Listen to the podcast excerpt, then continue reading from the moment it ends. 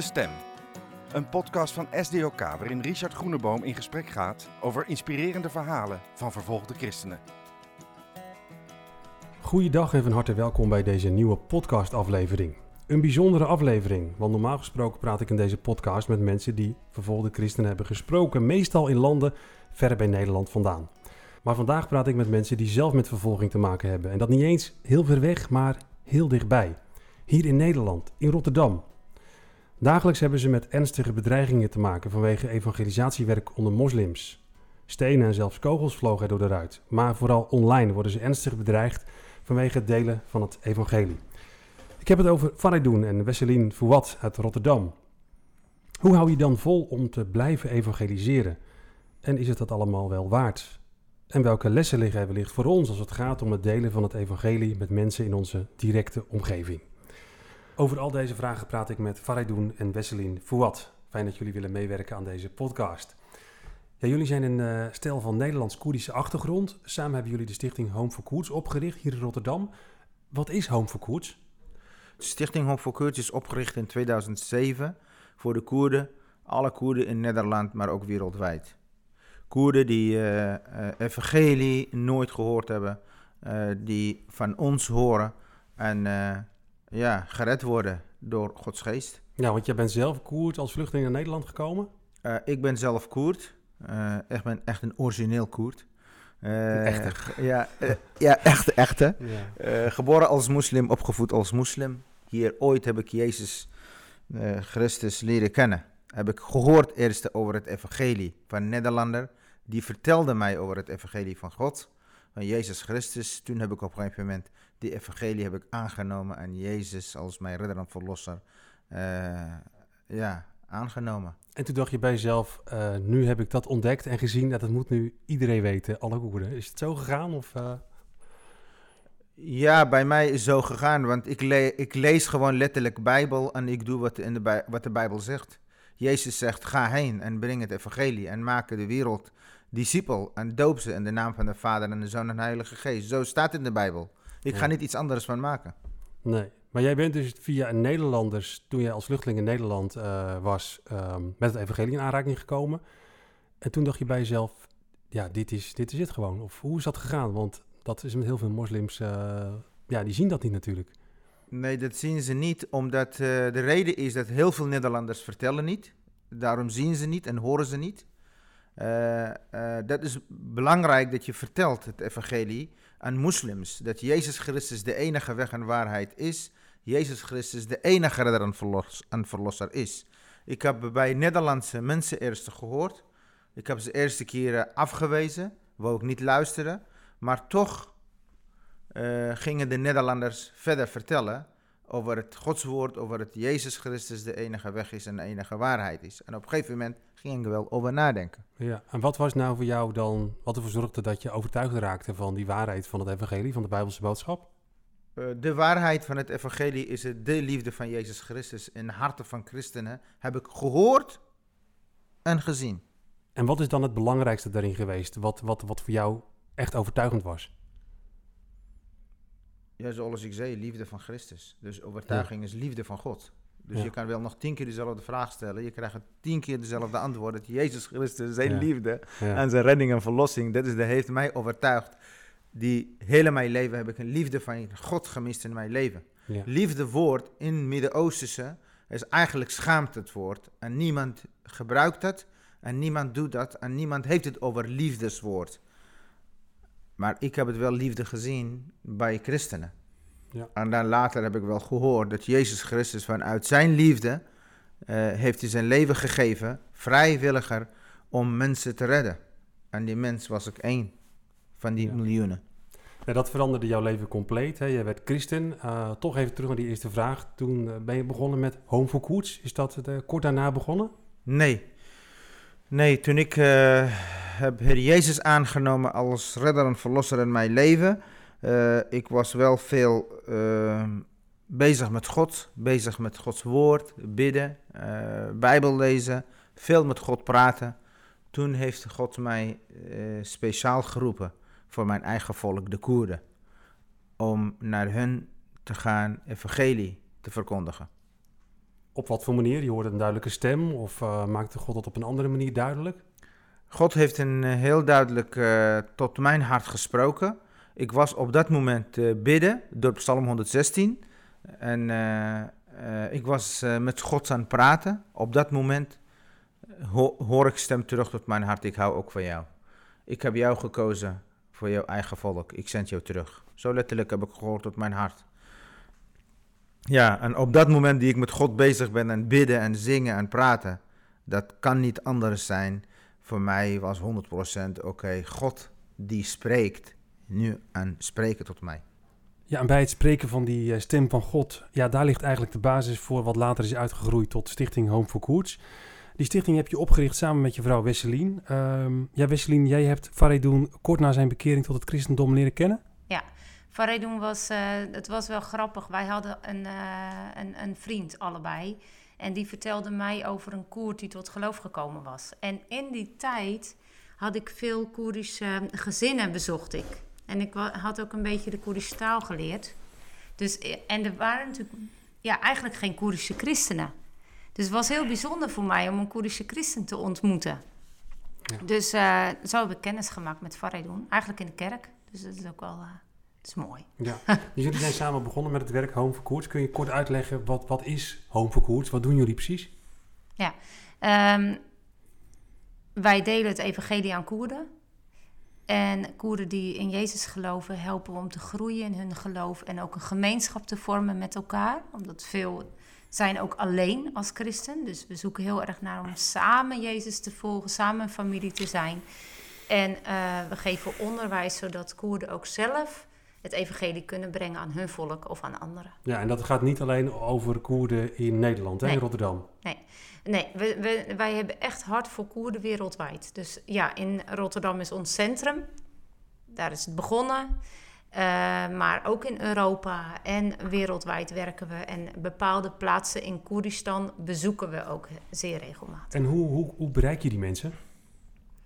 Uh, Koerden bereiken Koerden. Dus ik ben een Nederlander en dat, dat ja, ook echt. dat is uh, hoe, hebben wij, hoe zijn we eigenlijk begonnen? Toen God heeft geroepen, een rozenkwekerij met, met de opdracht dat ik wereld ga voor de Koerden.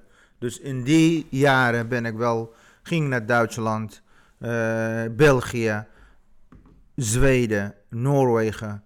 Overal ging ik naartoe met het verkondiging van evangelie en conferenties beleggen. Als maar een koert, één of twee bij elkaar kwamen, ging ik daarheen. En zo is het eigenlijk die werk onder de Koerden, Stichting Home for Koerds, een beetje bekend geworden.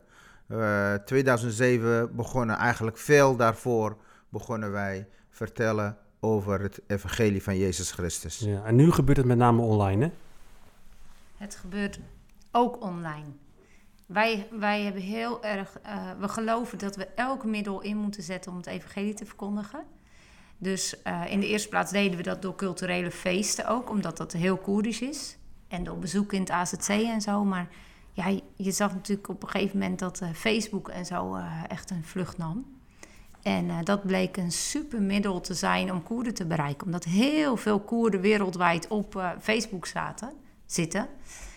En uh, dat, dat is nu echt wel de manier dat we mensen bereiken. Maar daarnaast willen we natuurlijk graag persoonlijk contact.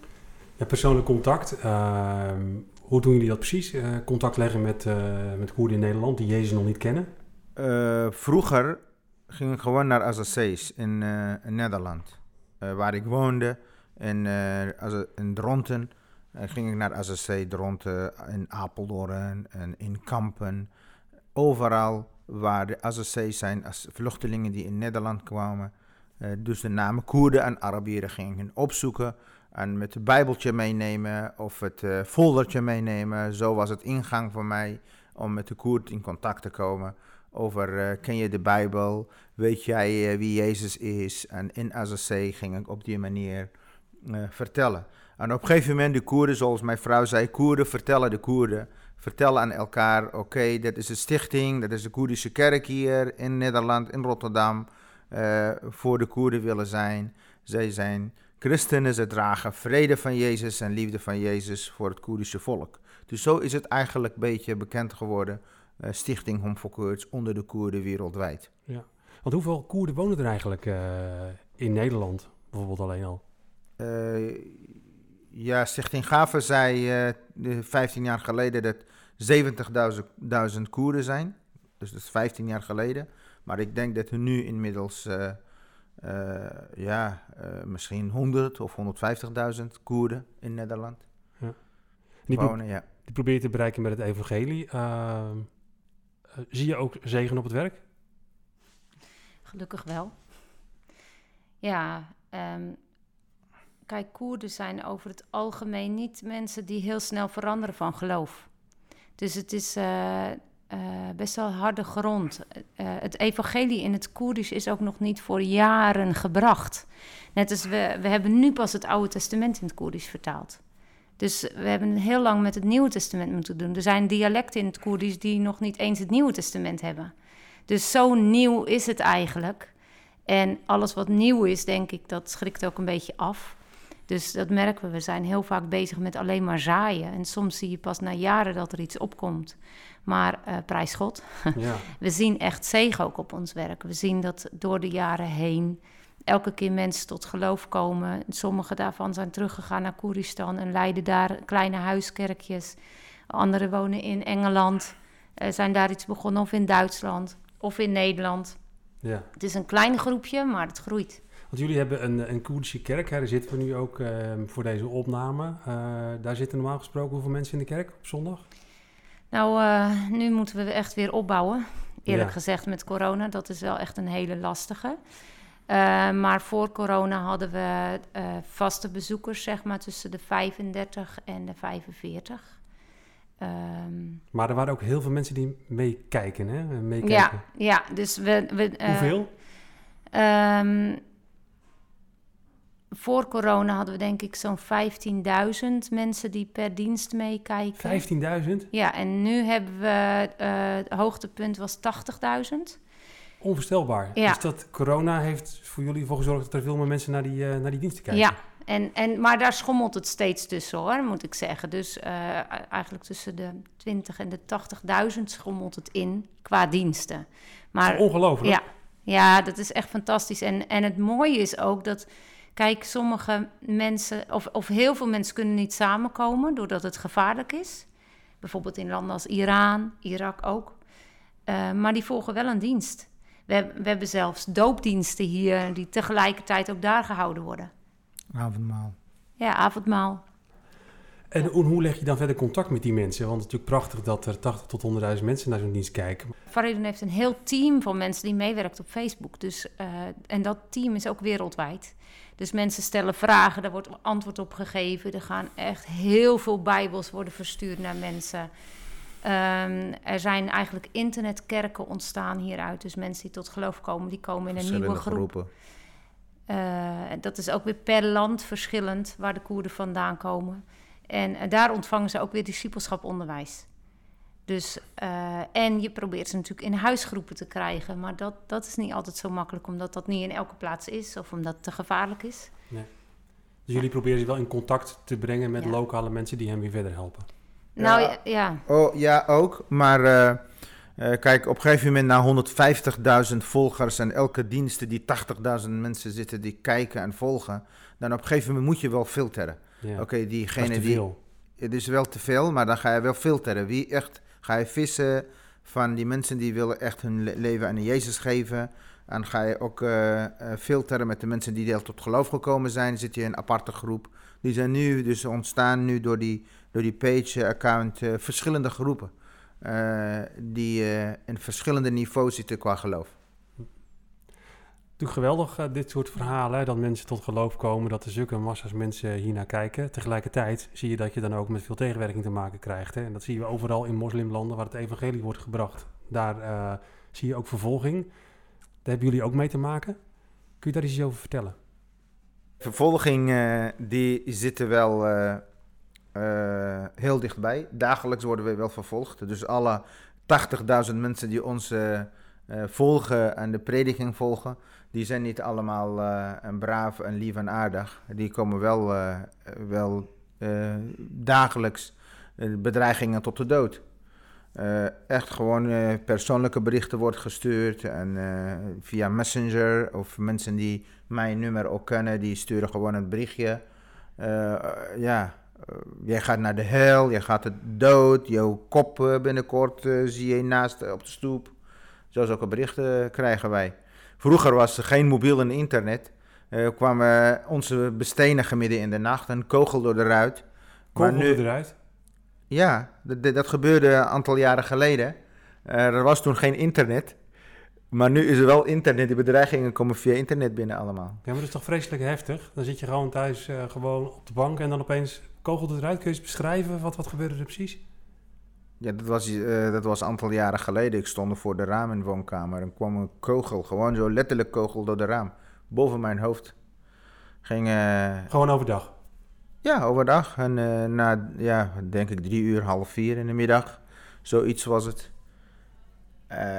ik kwam heel hard tegen de raam en had hij zo'n gat in de raam gemaakt en tegen de muur in de woonkamer. Was jij ook thuis, uh, Ja, ja.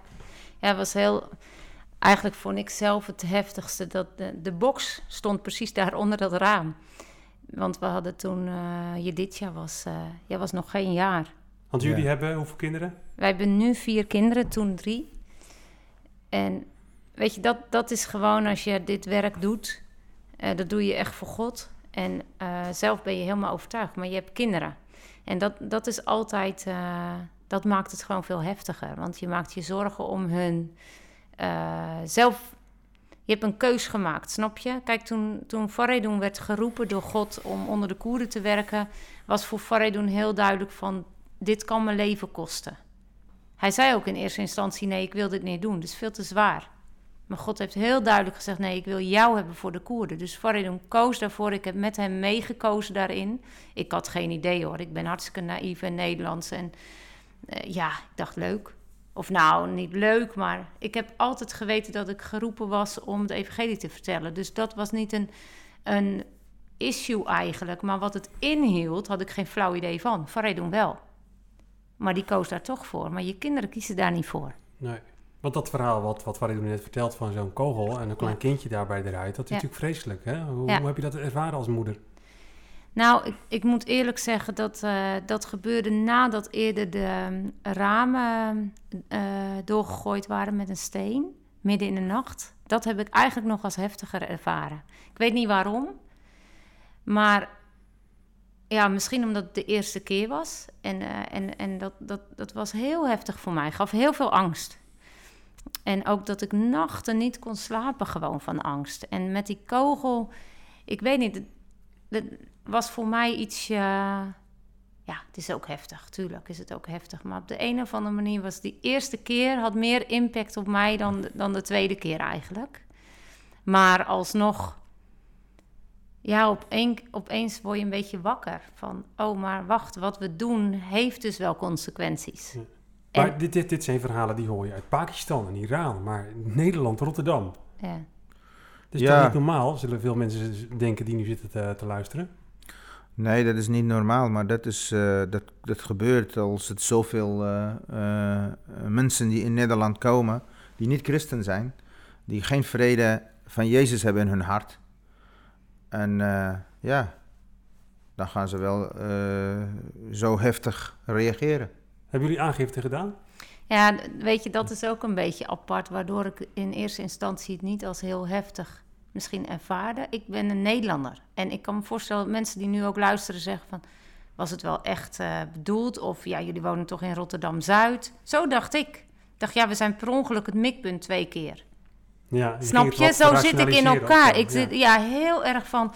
Ah, het valt wel mee en het is per ongeluk dat wij het zijn. Het was dat de politie zei van... ja, maar dit is echt op jullie gericht geweest. Van zei dat ook. Maar de politie beaamde dat ook. Van dit is echt het doel geweest om het werk wat jullie doen. Ja. Dus ja, we kunnen jullie adviseren om hiermee te stoppen. Dat is de enige mogelijkheid om veiliger te zijn. Of we proberen jullie ja, zoveel mogelijk veilig te houden. Want volgens ons gaan jullie hier niet mee stoppen. Nee, dat klopt. We gaan er ook niet mee stoppen.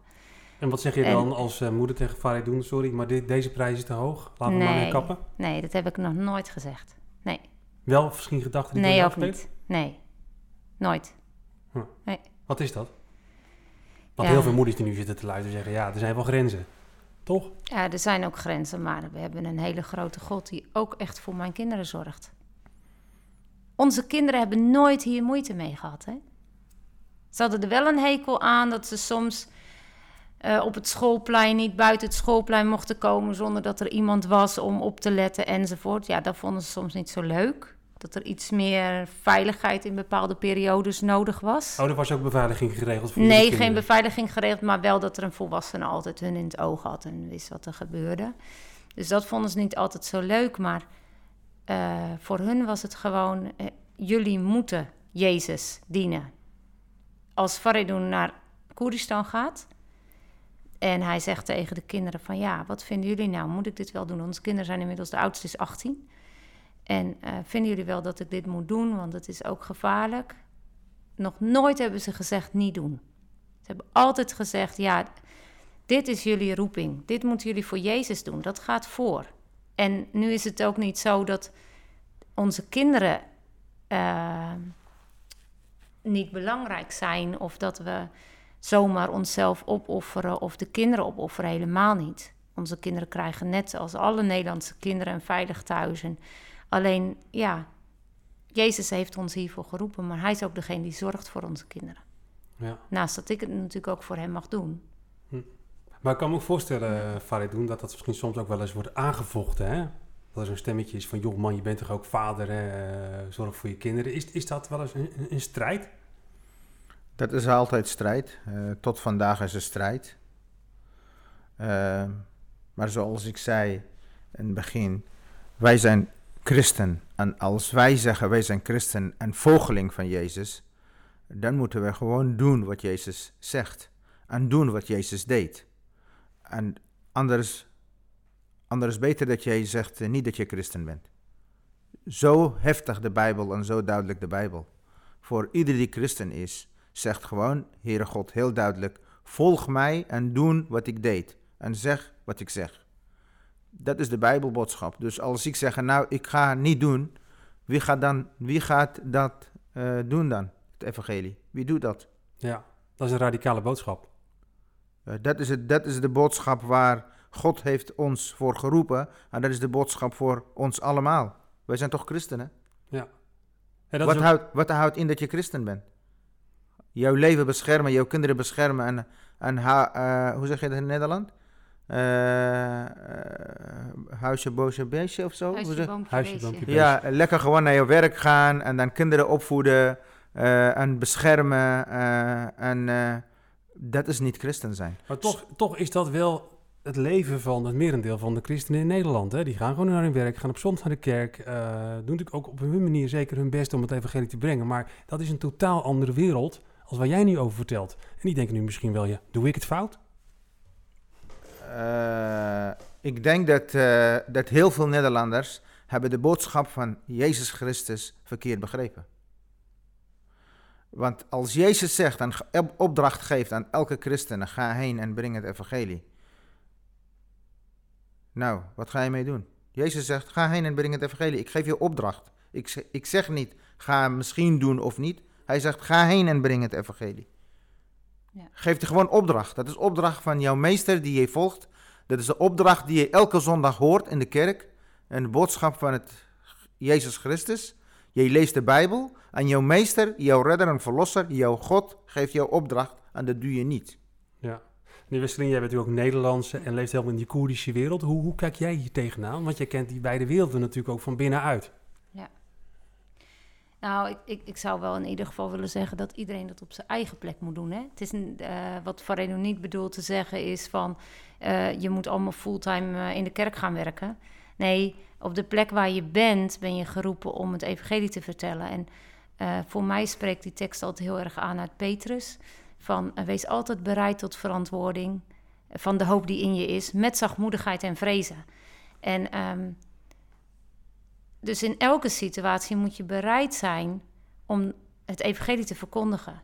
En ik merk bij mezelf dat ik heel vaak de situatie niet aangrijp, omdat ik denk, ik moet tolerant zijn, of ik moet aardig zijn, of wat vinden ze wel niet van mij. Dat heeft doen helemaal niet. En, uh, en, en dat, Je moet wijs zijn, met zachtmoedigheid en vrezen moet je het vertellen. Dus met nederigheid en op, op een manier die, die mensen ook kunnen begrijpen, die past in de situatie. Maar 9 van de 10 keer denk ik, zoeken we niet eens naar mogelijkheden. Zoeken we juist naar mogelijkheden om het maar niet te vertellen. Ja, maar waar zit hem dat nou in? Zit dat in een stukje cultuur? Hè? Omdat jij een Arabisch-Koerdische achtergrond hebt. Of is dat in de, in de Nederlands-christelijke cultuur dat we dat misschien lastig vinden? Hoe, hoe, hoe zie jij dat, uh, Wesley? Nou, ik heb er de laatste tijd ook veel over nagedacht. Omdat ik me verbaas over de Koerden die het meest vervolgd worden. Zijn degenen die het meest volhouden en het durven te verkondigen. En zij weten, misschien beter als ik of als, als ons, wie Jezus is. Waarom hebben we gekozen om Jezus te dienen? Waarom hebben we, geloven we dat Hij voor ons is gekomen? Wie geloven we dat Hij is? Als Hij het mooiste, geweldigste, prachtigste is. Als Hij de koning van alle koningen is. Als Hij de Heer van alle heren is dan is hij het waard dat hij de eerste plaats in mijn leven inneemt. Maar dan is hij het ook waard dat andere mensen die hem niet kennen, hem leren kennen. Dus als ik dat geloof over hem, over wie hij is, en niet alleen in de kerk aanbiddingsliedjes staat te zingen en hem prijs. Maar als ik werkelijk geloof wie hij is, dan wil ik dat anderen hem ook zo leren kennen.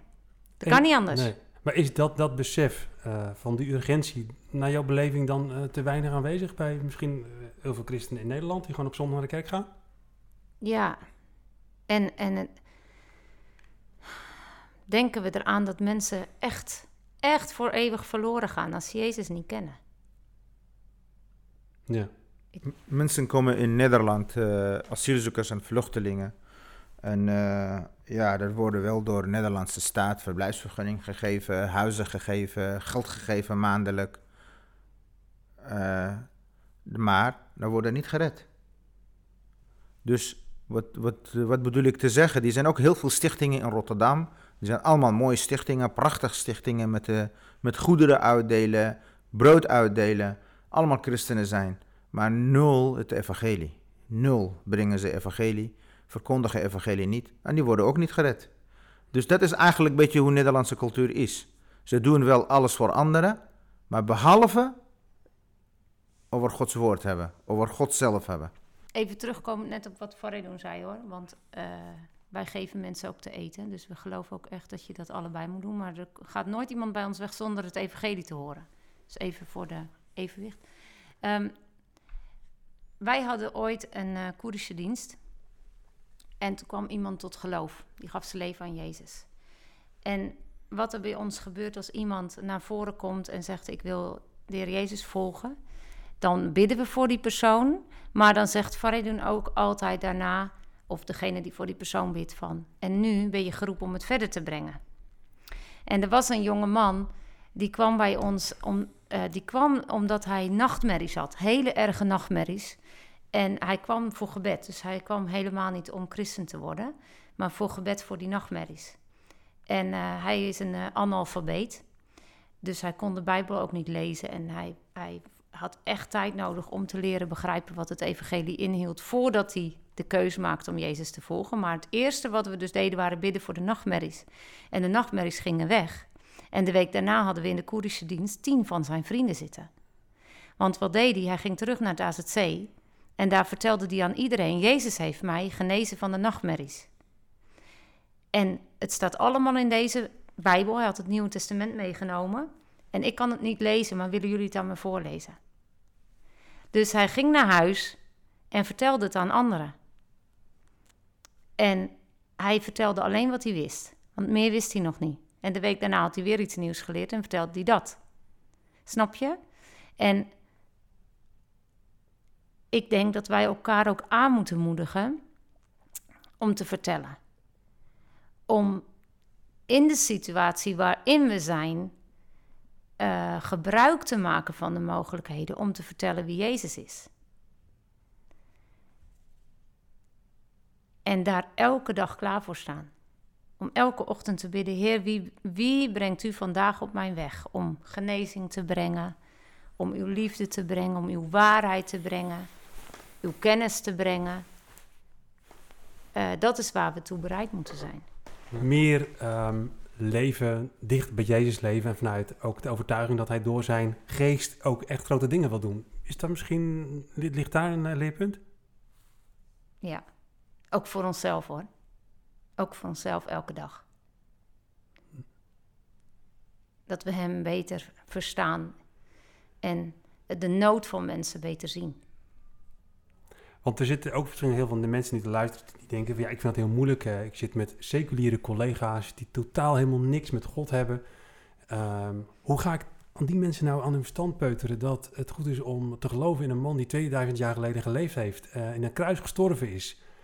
We leven natuurlijk in een hele rationele wereld ook in Nederland. Hè? Ik kan me misschien voorstellen dat moslims die geloven nog in een God. Dus daar heb je mm. aanknopingspunten. Is dat misschien in de Nederlandse seculiere context misschien weer misschien nog wel lastiger op een hele andere manier?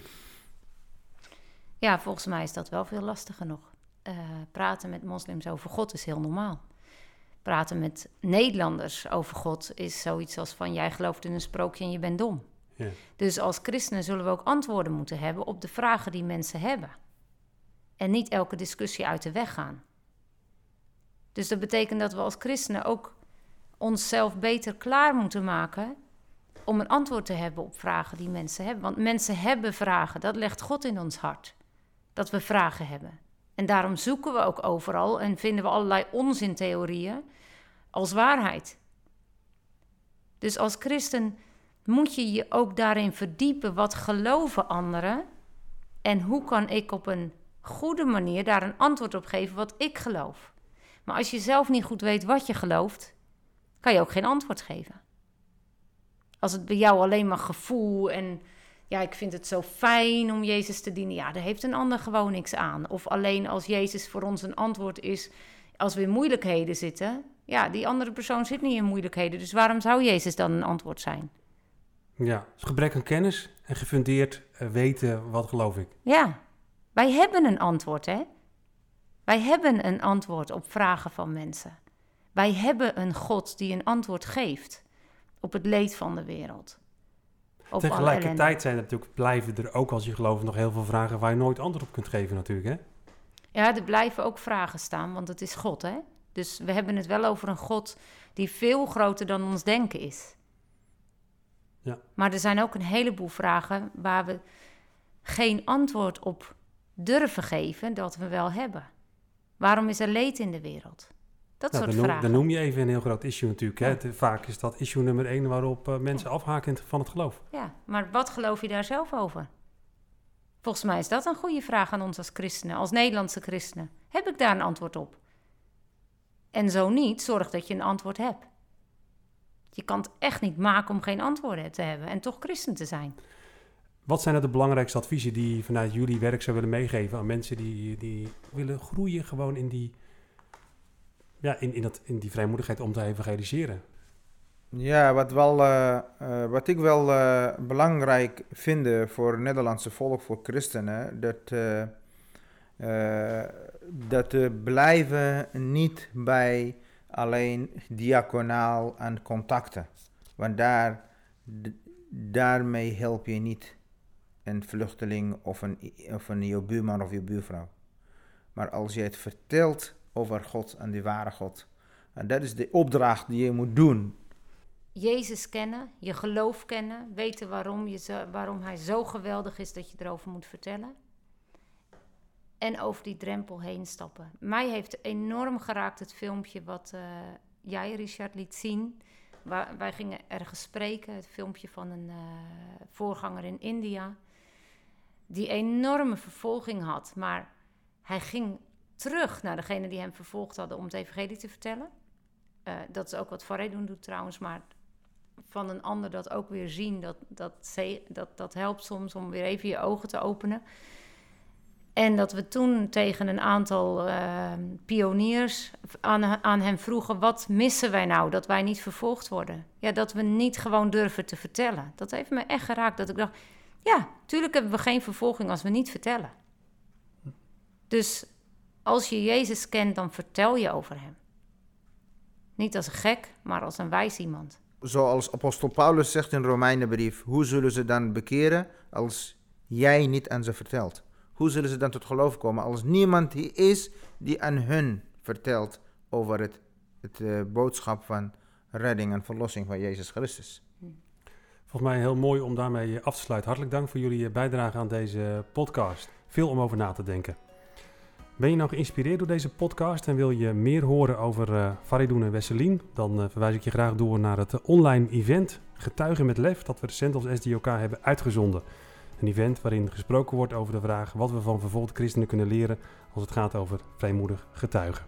In dit event waren ook Faridoen en Wesselien te gast. Dus als je dat uh, wilt terugzien, ga dan naar uh, www.sdok.nl event. Voor nu bedankt voor het luisteren en graag tot een volgende keer.